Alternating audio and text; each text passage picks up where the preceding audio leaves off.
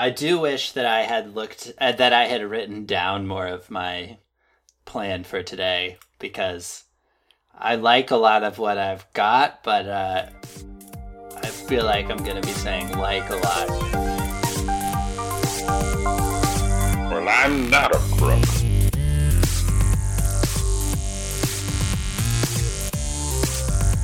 But because they are hard. Welcome to Presidential Deathmatch, the only presidential debates that matter on today's program. Would my opponent please ask me this question? We still don't have time for this, and MVB is back! On today's program, Dennis and I debate which presidency needs to be amended, and we use a Harding Cox style debate because none of the choices are really that good. All that and more on today's Presidential Deathmatch.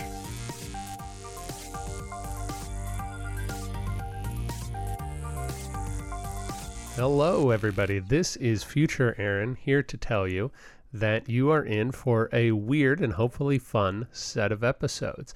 I'm going to let past Aaron explain a lot of what's going on to you, but there's a few things that he doesn't know that I need to catch you up to speed on.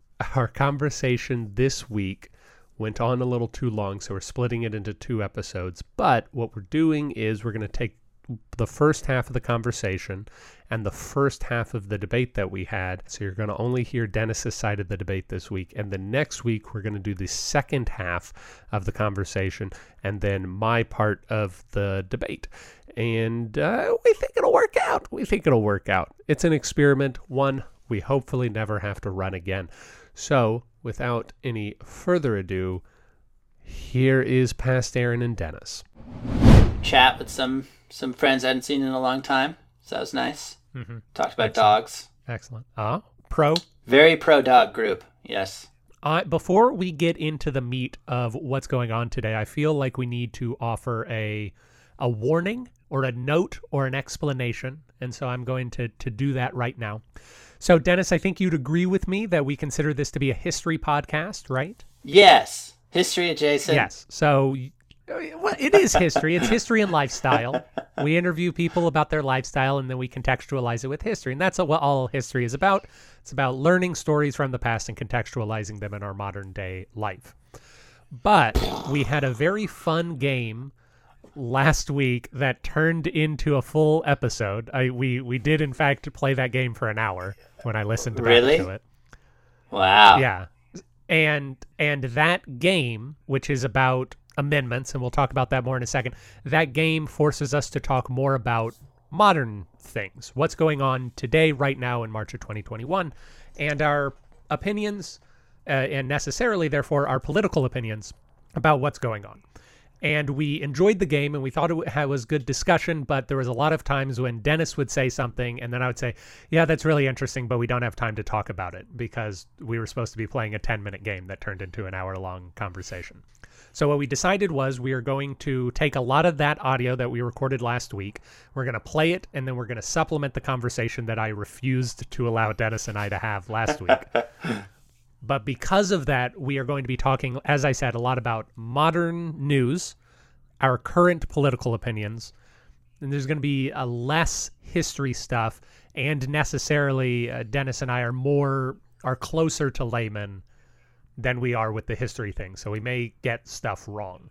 I've done as much research as I can this week, although it's been a week. So if you are more interested in just the history stuff, I would recommend you skip ahead. I'm guessing about 45 minutes to where we're going to have the debate because we are going to have a, a debate, uh, a debate like we usually do.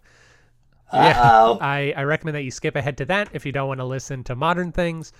And if you do want to hear some stuff that Congress is up to over the last couple of weeks, years, etc., uh, maybe stick around. I think it'll be a lot of fun. I'm not allowed to skip. I'm here for the I'm here for the whole thing. I'm sorry that it took so long to get through the game. And I think when people listen they'll understand why it took that long. Yeah, yeah, that is true. I, I have cut a lot of it If out. you imagine what it was like to listen to the first episodes of this podcast and how Dennis knew little to nothing about uh, American history, I think that that's a good context for today's episode. Actually, if you listen to last week's episode and how Dennis knew little to nothing about American history, uh, that's what it's going to be like. But before we do that, we need to check in on the polls. Dennis, two weeks ago, we had a debate over which president would be the best pole dancer. Calvin Coolidge clinches that victory Oh, I, it's fair. with his, yeah, with his very uh, well fastened on his head hat and uh, apple props from his grandmother's orchard. Calvin Coolidge is Flapper dress. Uh, however, in last week's poll on who has the best meet cute, Lucy and Rutherford B. B. Hayes taking it Nice. unanimous. Oh my apparently. gosh. unanimous. Yeah, It was a pretty cute meetup. Also, Carolyn felt that some things may have been omitted from our conversation about the LBJs and infidelity in said relationship. Yes, although we were primarily talking about The their meet cutes, yeah. meeting. Yes. Yeah, we were we were primarily talking about how they came together, and there wasn't a lot of infidelity infidelity in that stage. But Yeah. you are correct. Lyndon Johnson is quoted as saying, "I've had more sex on accident than John Kennedy had on purpose." Whoa. he was not shy about that aspect of things. Golly gosh. Indeed.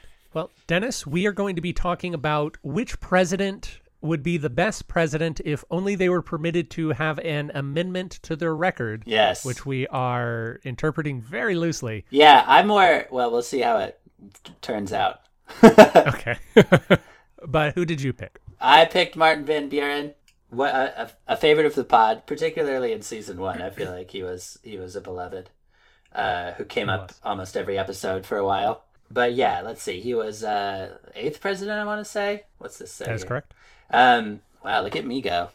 And uh, yeah, he was president after Andrew Jackson. Um, he kind of kept the Jackson thing going for another term, but as a result of that, um, a lot of things came to a head, such as uh, Jackson dissolved the federal bank, and then that caused an, an economic crisis called the Panic of 1837. But that was during Van Buren's presidency, so he did not get reelected.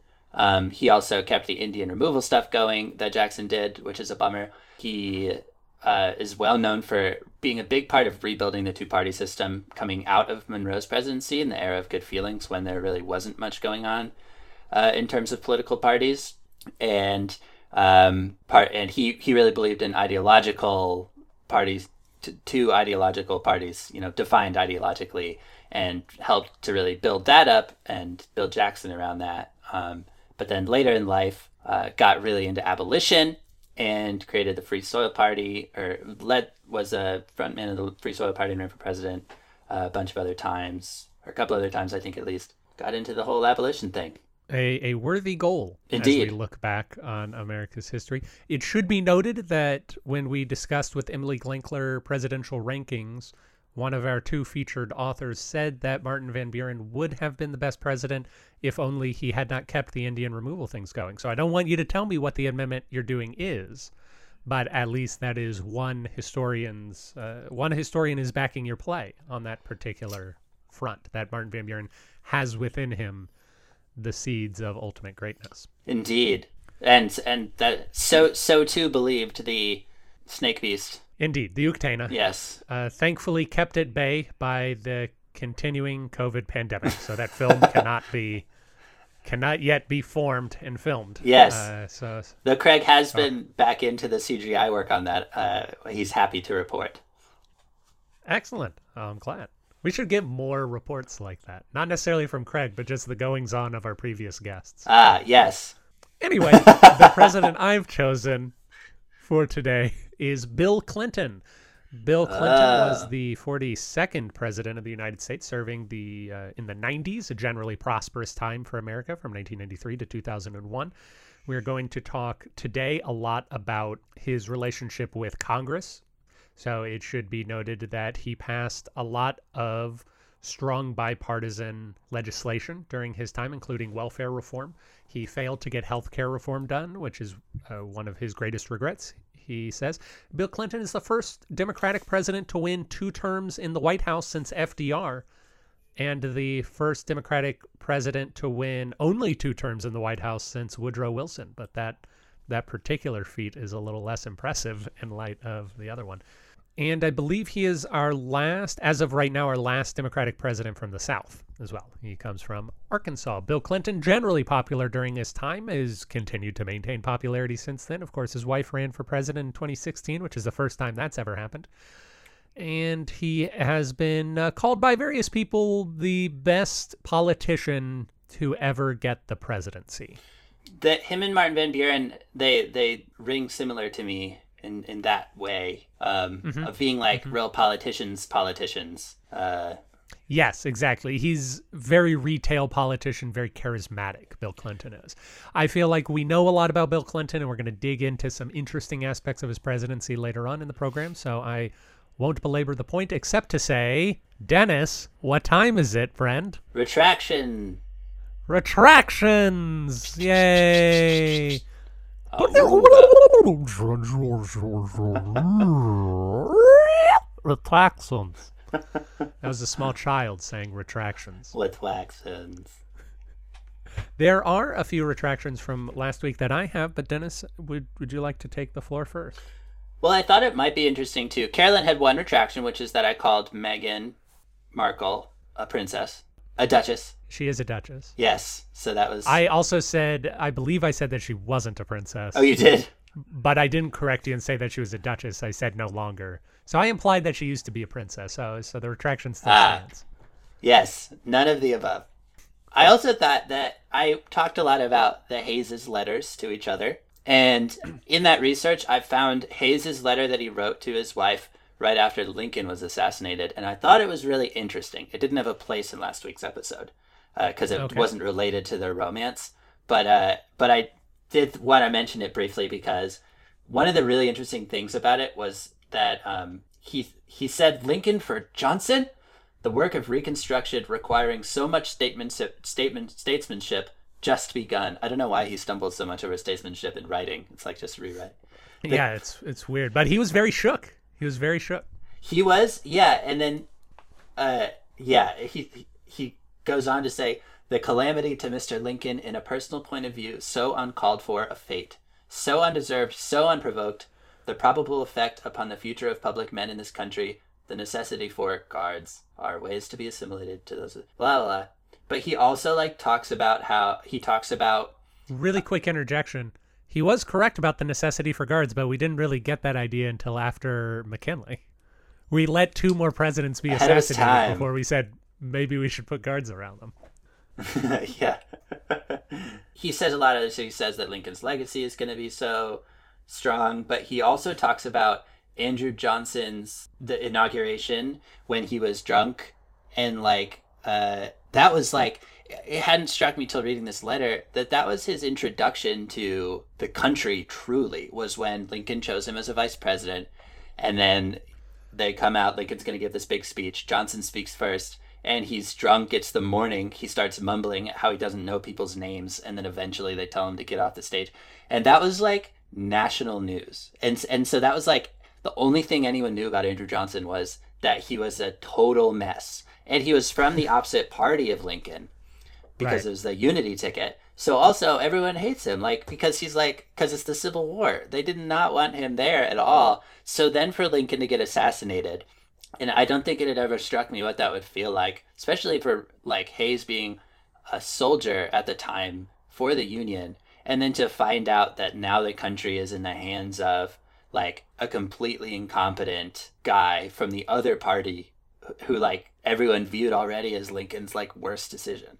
Is I don't know, it's crazy. It also felt very like uh, the way that he was talking about it so candidly felt very familiar to like the panic of when Trump was elected and people Yeah. just being like, I don't even know how to process this. It felt very similar. It was interesting. Interesting.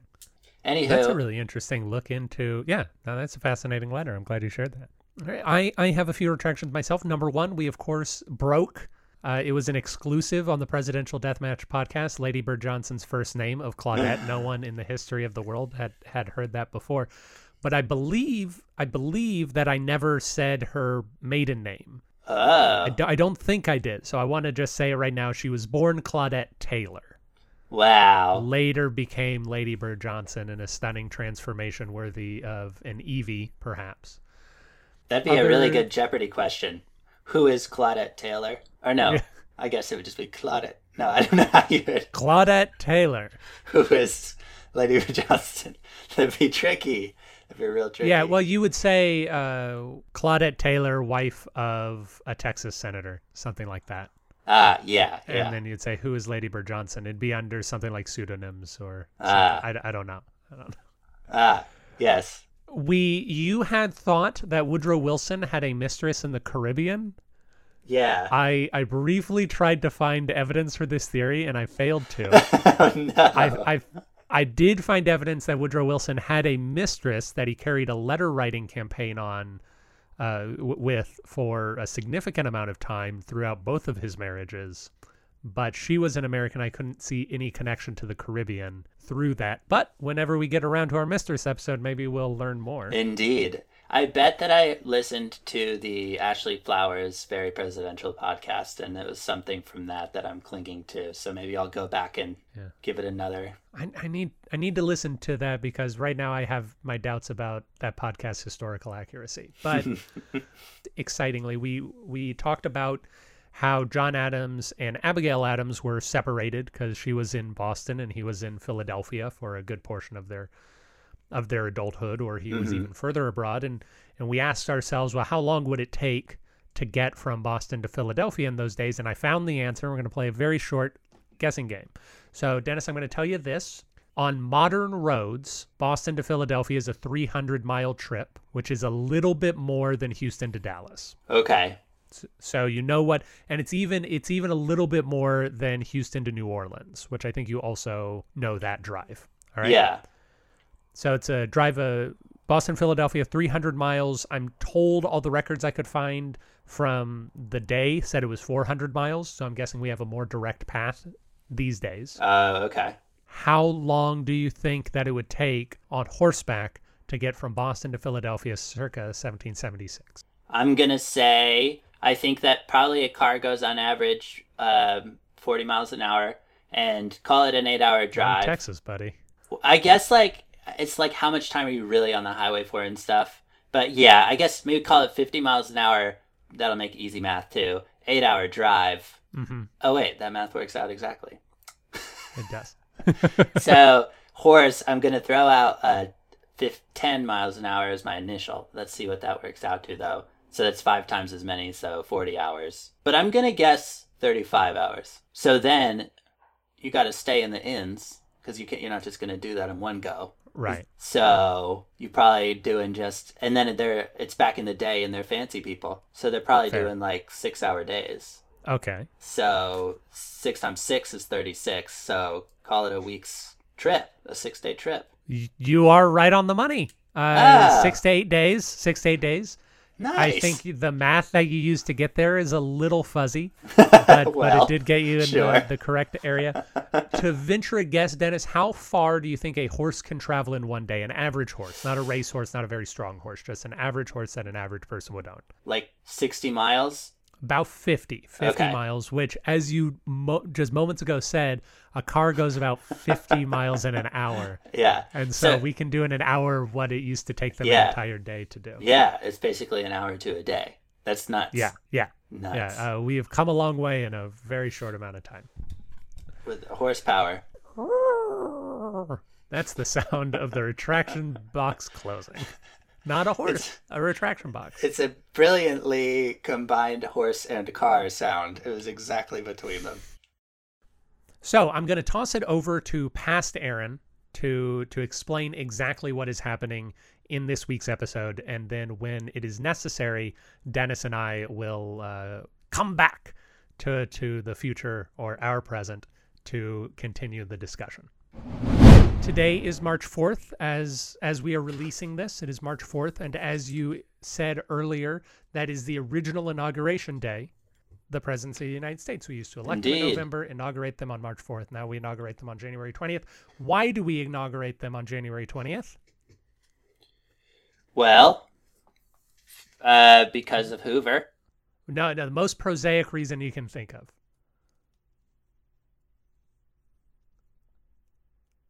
Constitutional amendment. We we now elect them on. Uh. January 20th because of a constitutional amendment. I, I, I I think when you edit, the silence gets cut out of things naturally in some with some function or something. Yeah, That's good. yeah, that is true. It's good because that was a pretty long. Just that was. I might try to, know. preserve it. I don't know. but uh, but but we used to inaugurate on March 4th. As you said, after Hoover, we made an amendment to say that we now inaugurate on January 20th instead. And so we decided to do a constitutional amendment game. As you know, we elect a new Congress every two years, right? Every member of the House of Representatives is reelected or elected or reelected. They're usually reelected. And about a third of the Senate is up for election every two years as well. And we call that a new Congress. Mm, So we are currently in the 117th Congress. right. Now, Congress are the people who propose amendments. They have to be ratified by the states, but uh, amendments originate from Congress in one form or another. Usually it's because Congress uh, debates legislation, comes up through committees, and then they send them out to the states. The 117th Congress began on January 4th. It is now Mm. March 4th, which means it's uh, just about 60 days. It's a little weird because of February, but it's exactly two months since the 117th Congress. And we are going to talk about every amendment to the Constitution that the 117th Congress has proposed. Oh, So, two months in to this Congress, Dennis, how many constitutional amendments do you think have been proposed? oh man. And so uh, the total number of amendments that it, that there are, like that have, that are like ratified in the Constitution, what is like fifty, right? 27. Twenty-seven. 27 amendments have been ratified, and I believe 34 have been sent to the states, but uh, seven of them were not ratified. Something like that. Oh, fascinating. And that's out of 117 Congresses. Yes. So it's not even common for a Congress to pass one amendment. no, it is If not. Especially when you some quick math. consider when you consider the first or second Congress did 10 of those 27 amendments. Ah, in the yes, Bill of known Rights. as ah, Yeah. known as the Bill of Rights. Indeed. And then, of course, one amendment is prohibition, and one amendment is no longer prohibition. Also correct. So those are useless. um, But they still exist. but they still exist. Okay, so I'm gonna guess. I'm just gonna throw out a guess of uh, 47. 47. Not a bad guess. Thank the you. answer is 25. Ooh, On average, about 200 constitutional amendments are proposed every Congress in the two years. So I think we're a little ahead of the game, but I also think almost all of these were proposed on the first day. As Oh, I think, uh, as I think of like, I'm a big man with big britches, and I'm gonna say we're gonna do this, and they know it's not going anywhere. So a lot of these things are just for show. is that as useless as it sounds? Is that as much of a waste of time as it sounds like it would be? I believe so. Yes. Okay, just Yes. so we're clear. Uh -huh. I, I think it is a major waste of time. I think it is one of the many things Congress does to showboat so that uh, Ted Cruz can go and say, I propose legislation that would make it illegal for toddlers to not own guns, to make it compulsory. But damn, damn, this isn't what Ted Cruz sounds like, so I don't know why I'm doing that accent. But those people in Washington just don't get how much we want it. Yes, I think most of these are wastes of time. Some of them are not, but I think most of them are. And most of them will die in committee, most likely. But we'll see. Uh, so, Dennis, I'm going to ask you uh, over a series of rounds to guess various aspects of these 25 amendments. Oh, And then I am going to ask you whether you think it would be a good amendment for our Constitution or not. okay. And then at the very end, I wanna I wanna ask you a question. Okay, excellent. So there are 25 proposed amendments, but many of them are are very similar. Okay. Okay. So, what do you think is the most common proposed amendment? Oh, okay. And like anything else, you can ask me questions to help you narrow it down. Is it something that would expand on things that are like kind of in the Bill of Rights? No, Okay, so it's nothing like Second Amendment or anything. no, Does it have to do with um, equality? I would not say so. Okay. In, in the same way that uh, we said that this whole process is a bit of a waste of time, um, the people who like to waste time the most are the people not in power, right? Uh huh. So you're looking at a bunch of think that a lot of these, not all of them, but a lot of these are Republican people proposing this legislation. Okay. That that may or may not help. It was. It's funny because I thought was like uh was like something climate changey when I was thinking the Democrat side, and then it was like a Republican side, and I was like, oh, well, still maybe something climate change. Yeah, that's So- true. But but not. It's not like. Okay, is it? It's probably related to some one of these kind of major conversations that's going on right now, probably. So we've got. Not really. I don't think so. It. Uh, I'll give you another hint. This is an amendment that I would probably really like, but most people wouldn't. Oh man, I feel like that. No, I was going to say, especially Democrats. Right. It's. I feel like that put puts me even more in a place of not not knowing.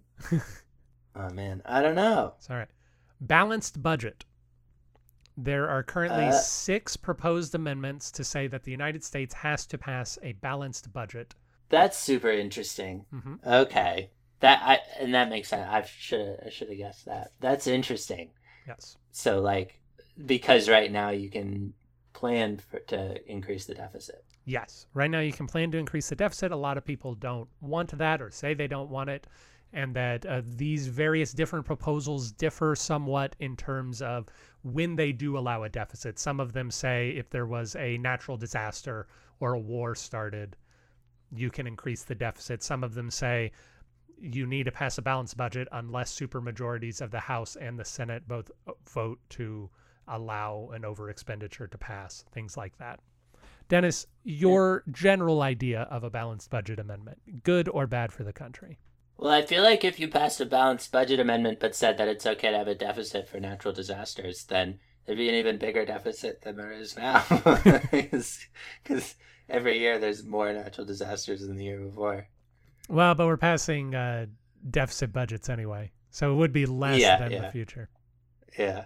I mean, yeah, I, I, it's so far outside of stuff that I know about, but like, um, I def, it's definitely very, it's very, like, at work, you know, like if I'm trying to plan like a roadmap or something like that, like I put in so much padding to like, to say like, oh, like, okay, like if I think this is how much we could get done in this amount of time, then I'll just double it, and then maybe we'll maybe we'll hit our deadlines.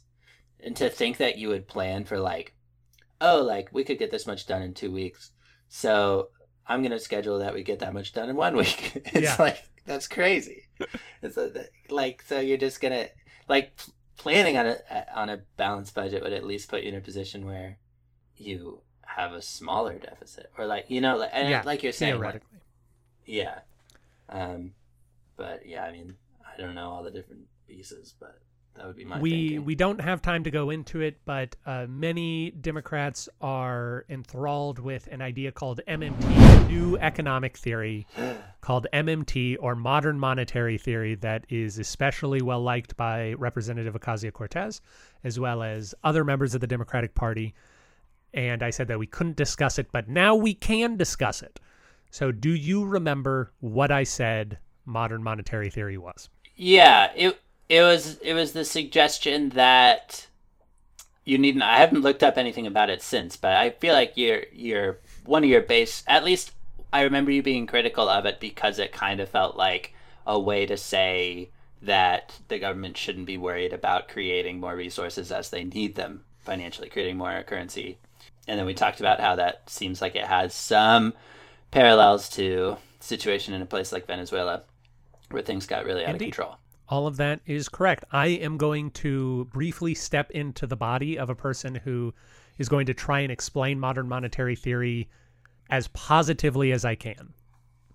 Uh, and and hopefully I, I now know a little bit more to tell you what they believe and, and give you a better understanding. Now, there's a problem, and I'm going to be very upfront with this problem. And the problem is that I would read an article on what modern monetary theory was, and I'd say, okay, I understand that. These are the arguments against it that I have. And then I would look up arguments against modern monetary theory. And for the most part, they would be using the same arguments that I would use against it, like we just talked about runaway inflation. And I'd say, okay, that makes sense. So people are on my same line of thinking. And then I would go find articles rebutting those articles that were against modern monetary theory. So articles of proponents of modern monetary theory. And they said, no, no, no, completely misunderstood what MMT was about those are sort of boogeymen problems that doesn't really represent what we're talking about, but then they don't talk about what they're talking about. So the only places that I can seem to find descriptions of what MMT are are things that other people who espouse MMT seem to say doesn't actually represent their views, but then they never represent their views as far as I can tell, at least in a comprehensive way. It is possible that people who really believe in this disagree with what I'm about to say about it. Okay? Understood. MMT is, or modern monetary theory, again, is essentially built on uh, a few precepts. I don't have all of them memorized, but among them it says that a national government has a monopoly on fiat currency, fiat currency being currency that they can guarantee.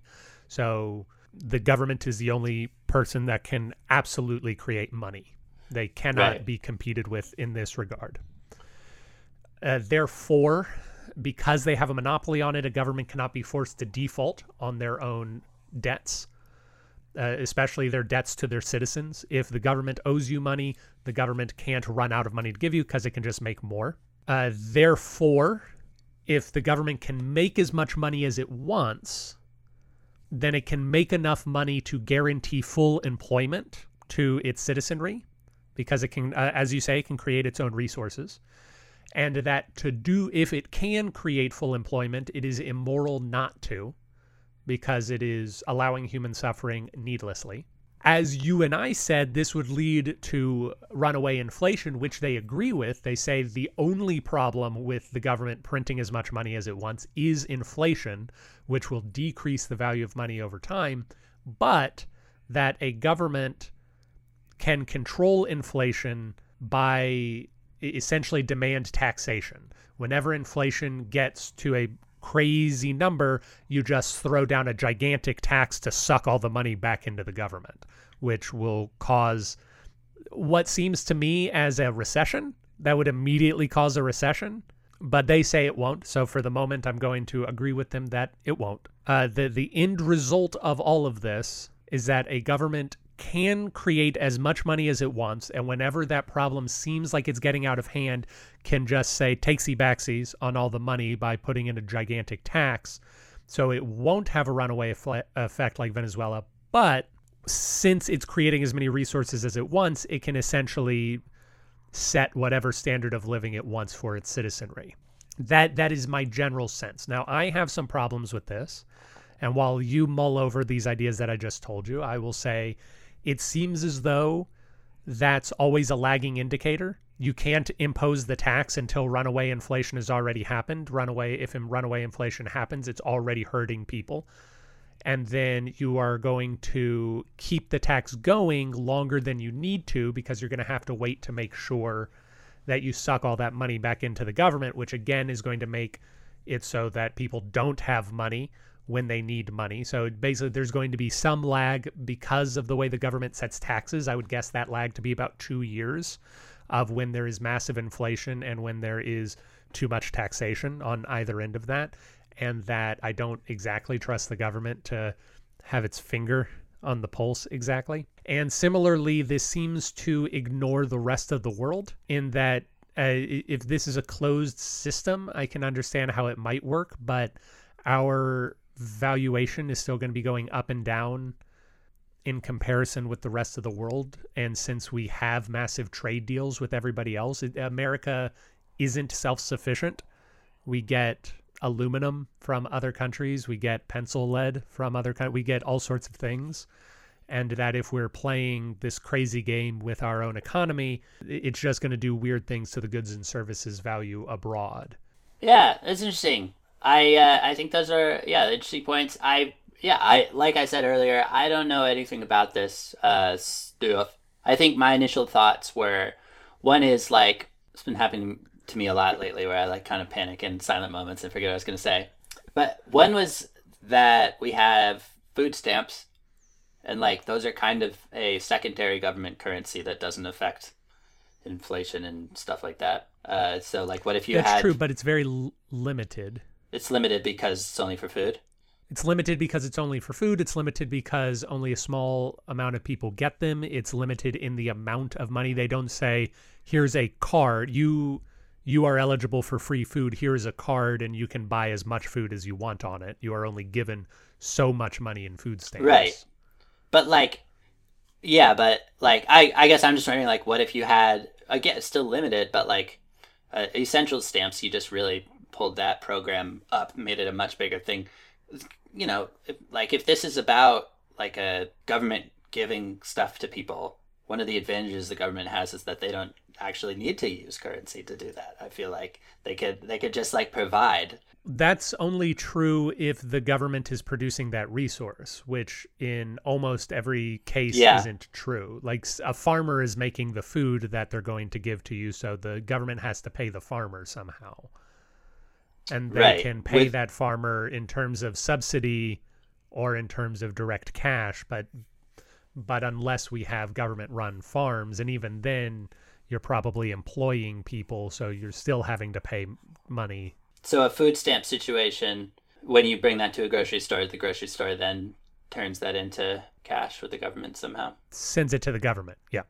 So at the end of the day, it doesn't actually change anything, I guess. Um, No, no, it's just the government saying we'll we've got your back for two hundred dollars or however much it is Right. food. but like, I mean, I guess like if you then said the grocery store, like, oh great, you like, you know, like you collected a thousand food stamps worth five dollars each, so just don't pay any, just don't pay that much in taxes. At least there's like less currency in the system that way. I feel like the government could do things like that.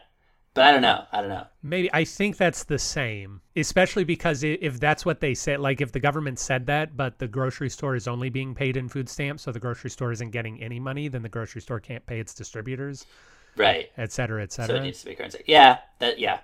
Okay. So that idea is like for me for me it's all the closed system versus open system if this were a completely closed system i could see how it works but it's not Yeah. everything is an open system the other thought that I was having trouble remembering at first is is kind of that I feel like it's an interesting idea, but that would suggest that the problem that we have with inequality is because there's not enough money to go around, or because like people that people don't have that money, that that money doesn't exist.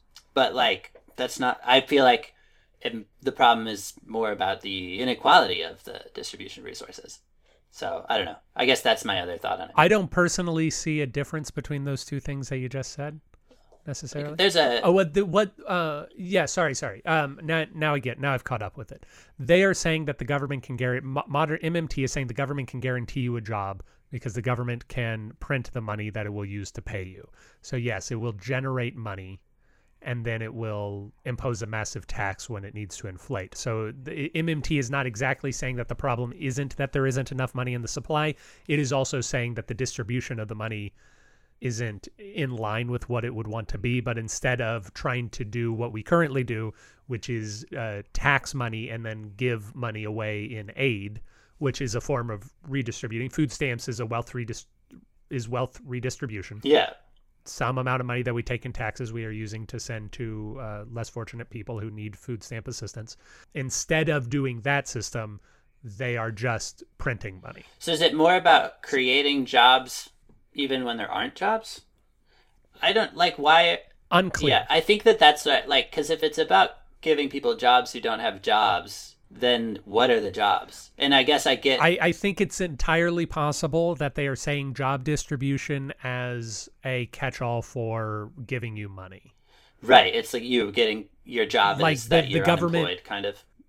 Yeah, the government, but or, the government says you can paint fences if you want, and if so, you are guaranteed fifteen dollars an hour, forty hours a week if you show up and do this. and I think that's where, I, well, I I get that that's not something that they could just do right now, but like, I do feel like logistically, if the government was able to do that, then we would we would maybe do that, like, because like, if you could hire people to produce value and then pay them to do it, like that's that's where that's the hard part, I think. So that's the part where I'm like, what what can we do to like if we want to create jobs, then how do we create jobs? Because uh, I don't feel like this. Sure, I, I think I think you no no I think you're ignoring the the core tenet of the theory is that the government need not worry about how much money it creates. yeah, and then it is saying if we if the government doesn't need to worry about how much money it creates then we can assure that everybody lives at a base standard. And from from there anybody can if you accept the theory from there anybody can propose whatever they want uh, as to how we distribute this money whether we do it in direct aid whether we do it in a UBI situation whether we do it through a federally guaranteed jobs program whether we do it in a for somehow the the entire government is single payer. Like eh, from there you can do whatever it is you want. So i think you're getting you're getting hung up on federally guaranteed jobs which is how they talk about it but i don't i don't necessarily know that they are literally saying jobs eh, in the fdr new deal or at least Right. not universally but yeah, I yeah I think that it's as much that as it is that like so in the FDR scenario, like he created he created all these jobs and that I think I think that we're perhaps getting I yeah, I think that we're perhaps getting really far away uh, because again, we're going very long and we're only on the first one. We're getting very far away from just a simple idea that there's an amendment proposed or several amendments proposed. We need a balanced budget and on the other side there are people saying a budget doesn't matter uh-huh. because of this, because of this heterodox theory. And it sounds as though we are both against that theory, at least based off of what we know Yeah. as I would- uh, as laymen. Yeah. I would probably lean more into just saying that I just don't know. Okay. oh man, what an exciting conversation on economic theory, huh? Well, I can't wait to hear more about that conversation next week. But for now, we're going to the debate.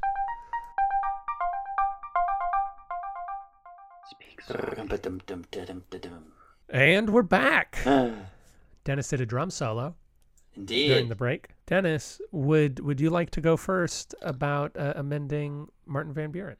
Okay, yeah. So hopefully we hopefully we did this in similar enough ways to have a debate. But uh, Blue Whiskey Van, basically. So here's the thing. So because of his father, um, and then be- and and other early events in his life, Martin Van Buren was a Democratic Republican, and he was very representative of that, and he was understood this ethos of man of the people, and he understood what the two parties stood for. He a lot of people in his community were Federalists um, in the in the early days, so he had a good understanding of what was going on, and he grew up in this inn where political debates were always going on.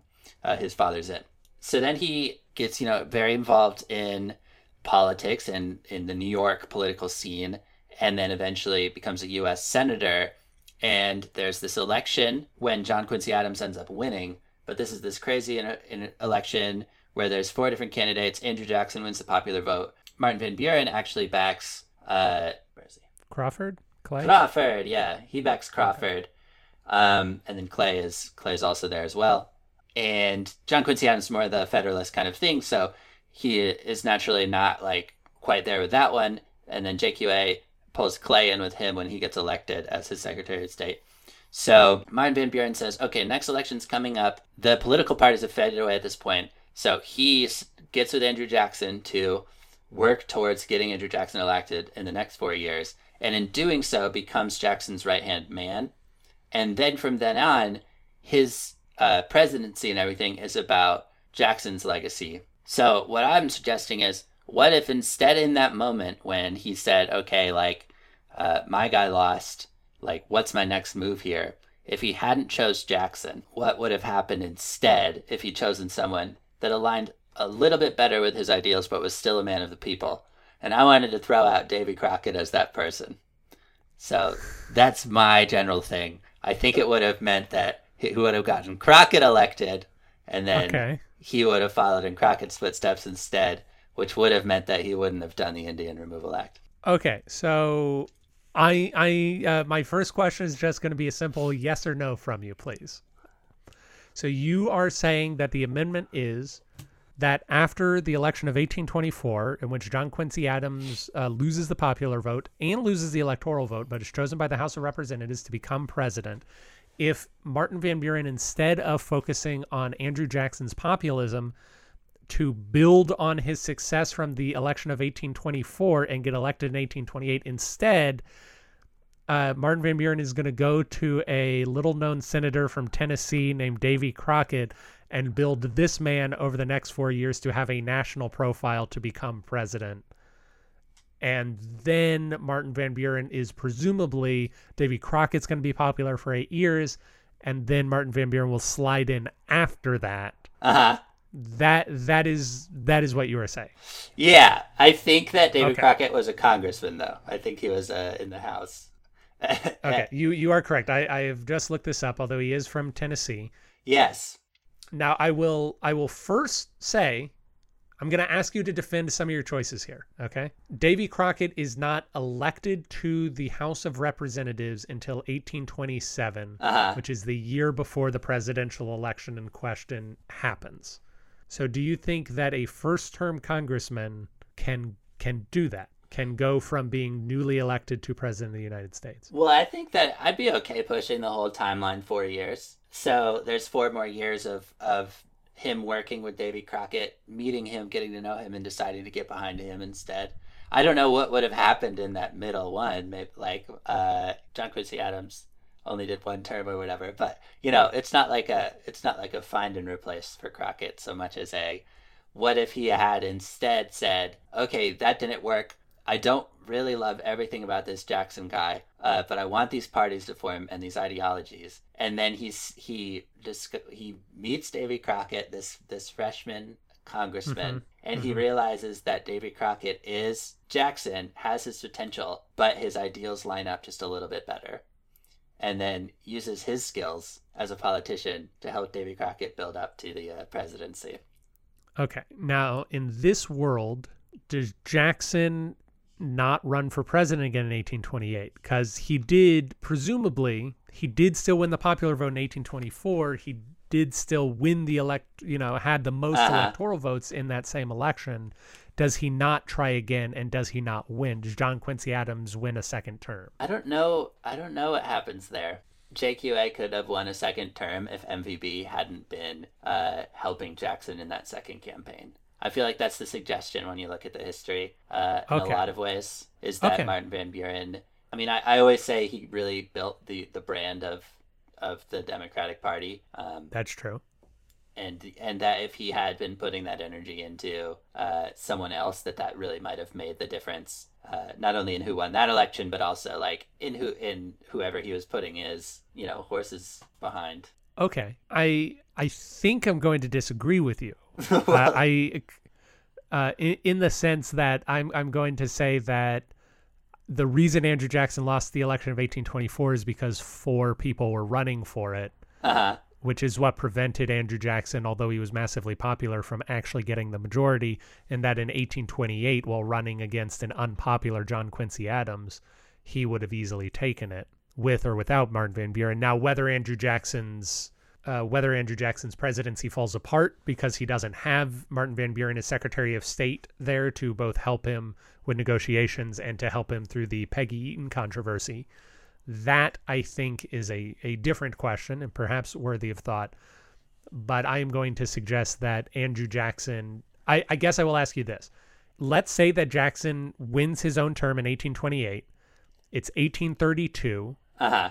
Yeah, I like. and it's version. Andrew Jackson versus Davy Crockett. Yeah. Davy Crockett has Martin Van Buren. Andrew Jackson has irritated John C. Calhoun, who was his vice president, and is perhaps uh, lacks the organizational ability of Martin Van Buren for sure. Do you think Davy Crockett wins that election? Here's the interesting thing about Davy Crockett. He Yeah. he is born in Tennessee. He grows up. He his aunt and uncle and grandmother Wrestled a bar when he was only three. He wrestled a bar when he was only three. His Well, he his- killed him a bar. I apologize. yeah. Retraction. His aunt and uncle and grandmother are killed by Native Americans when he's a, when he is like super young, uh, or and and when his father is off uh, with the militia or something, and Mm-hmm. then by the time he is by the time he's sixteen, he's already put a career as a cowboy behind him, uh, and he is completely self sufficient on the land and the frontier and everything. Altogether, extremely similar to Andrew Jackson. Right. And then, except for Andrew Jackson, he's a kid in the Revolutionary War. Davy Crockett's a kid in the War of 1812. So, a little, uh, or a soldier in the War of 1812, not a kid. Okay. Um, So he's younger. but he's a little younger, yeah, but he's actually very similar in age to Martin Van Buren. So then he decides to kind of turn and get into politics. So Uh-huh. like you, you can see how it was this time in America when the populism thing, man of the people, was becoming something that worked. And like True. Martin Van Buren, he still has that ideology from the revolution because his dad became this kind of like man he got that man of the people thing so hard from the revolution. He was in the revolution and then he runs this inn, so he's kind of like middle he's locked into the like middle class but interacting with the upper class all the time. So he kind of in the dutch community in new york becomes the democratic republican guy uh, in their communities where a lot of the more upper class dutch people are federalists. So then when van buren is coming up through his dad was a really like beloved guy too. They got along very well. So he kind of really owns that ideology as well but then gets involved with that more upper class uh, group becoming a lawyer and everything and I think that's really what gave him that like perspective where he was like he was a wanted this man of the people political party ideology to always be there and that's what he liked to get behind. But he appreciated the importance of the dichotomy with this more conservative federalist uh, ideology. So that's why he wanted to bring it back. But he also saw how the reason that was so exciting to have was so that you could get behind someone who could be a man of the people with their brand and really rally the the citizenry and then put that up against this more oligarchical faction. And so I think when he saw Andrew Jackson, he said, okay, this is like, this is the next chapter for me. But Davy Crockett was the exact same. But I think what's so weird about it is Davy Crockett really thought that Indians were getting mistreated, that Native Americans were getting mistreated. I don't know. It's so interesting because like, why did he feel differently about that? On paper, he's the exact same person as Andrew Jackson, but like obviously there's some differences. But like he uh, he was really against the Indian removal stuff, uh, and he said he he said like that like he wanted to go to heaven, so he was against Indian removal, and so so it's it's kind Okay. of this interesting thing where that's so representative of who Jackson is, and then Davy Crockett kind of has this alternative perspective. And I think that in both cases, they're very much what Van Buren would have been happy to be behind. And when you look at his later life with the Free Soil Party right. and abolition, I think that is what he would have. I think that deep down that he actually would have been more behind Davy Crockett's ideology. He just didn't care so much about his ideology a lot of the time. He was more just about he was more just about I want to make the most popular person successful so that I'm their best friend. But I think Okay. You know, so if he'd put his ideology a little bit a little bit more at the front of his mind, I think he could have ended up making a different decision. And I think it could have happened if he had just met Davy Crockett at a different time. Why wouldn't you have just amended it to be that Martin Van Buren won the presidency in 1828 instead of Andrew Jackson? Uh, I don't. Instead of supporting Andrew Jackson, Martin Van Buren decided to run himself because he was governor of New York. It, it's not like he wasn't a politician at that time. Yeah, yeah, yeah. I don't. I don't think he's. I don't. I mean, obviously, he ends up running for president and winning, and then he tries to do that a bunch more times. But yeah, I feel like he's someone who who networks his way to the top, so really needs someone else to be there first. You know. Okay, man. I I am. I want to ask you a lot more questions, but we I think we need to move on. Uh, but but your argument for why how Martin Van Buren could become the best president is if he waited a little bit longer and built up a different guy to be a really popular president before him. Yeah, the yeah. Essential. All right. And he cool. would have saved David Crockett's life. Uh, Yeah, but uh, Texas may have been worse off. Maybe. Hard to say. Hard to Hard say. to say. And that's it for today's episode. Uh, we are going to revisit all of your favorite plot lines next week. Same bat time, same bat channel.